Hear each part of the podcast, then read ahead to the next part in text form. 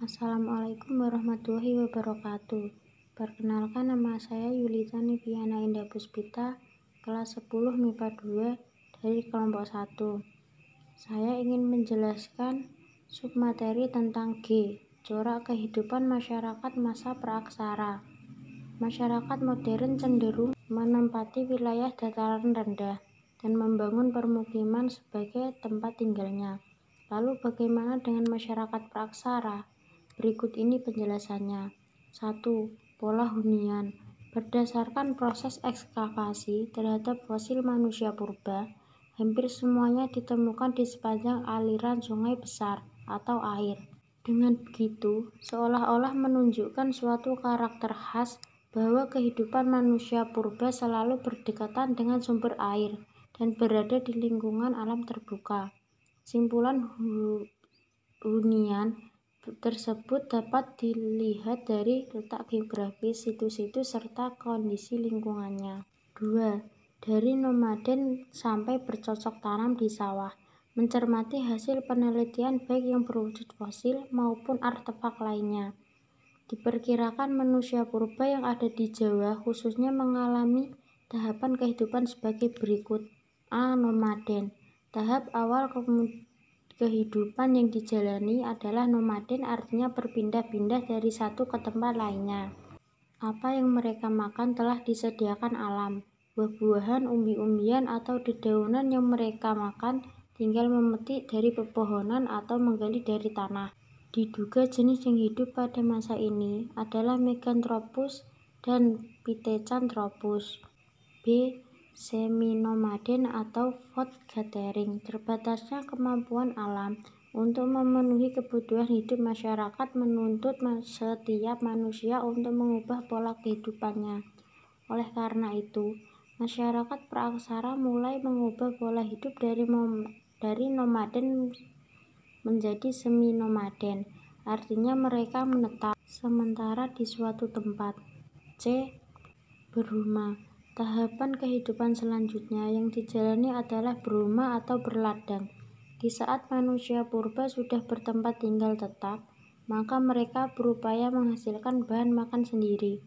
Hal ini diduga terjadi pada masa peralihan zaman Mesolitikum ke Neolitikum. Hal ini menandakan adanya revolusi kebudayaan dari food gathering menuju food producing dengan Homo sapiens sebagai pendukungnya di bercocok tanam di sawah. Kehidupan bercocok tanam terus mengalami perkembangan. Mereka juga mulai mengenal kehidupan bercocok tanam di persawahan, yaitu cara pertanian di tanah basah sehingga memerlukan air yang cukup. Dalam keadaan demikian, diduga mulai terjadi perpindahan ras Austronesia dari Yunan ke kepulauan Indonesia pada sekitar 2000 1500 SM. 3. Sistem kepercayaan diduga sejak zaman Neolitikum atau zaman batu, batu muda, manusia telah mengenal sistem ke kepercayaan. Mereka sudah memahami adanya kehidupan setelah mati. Mereka meyakini bahwa roh seseorang yang telah meninggal akan ada kehidupan di alam lain. Oleh karena itu, roh orang yang sudah meninggal akan senantiasa dihormati oleh sanak kerabatnya.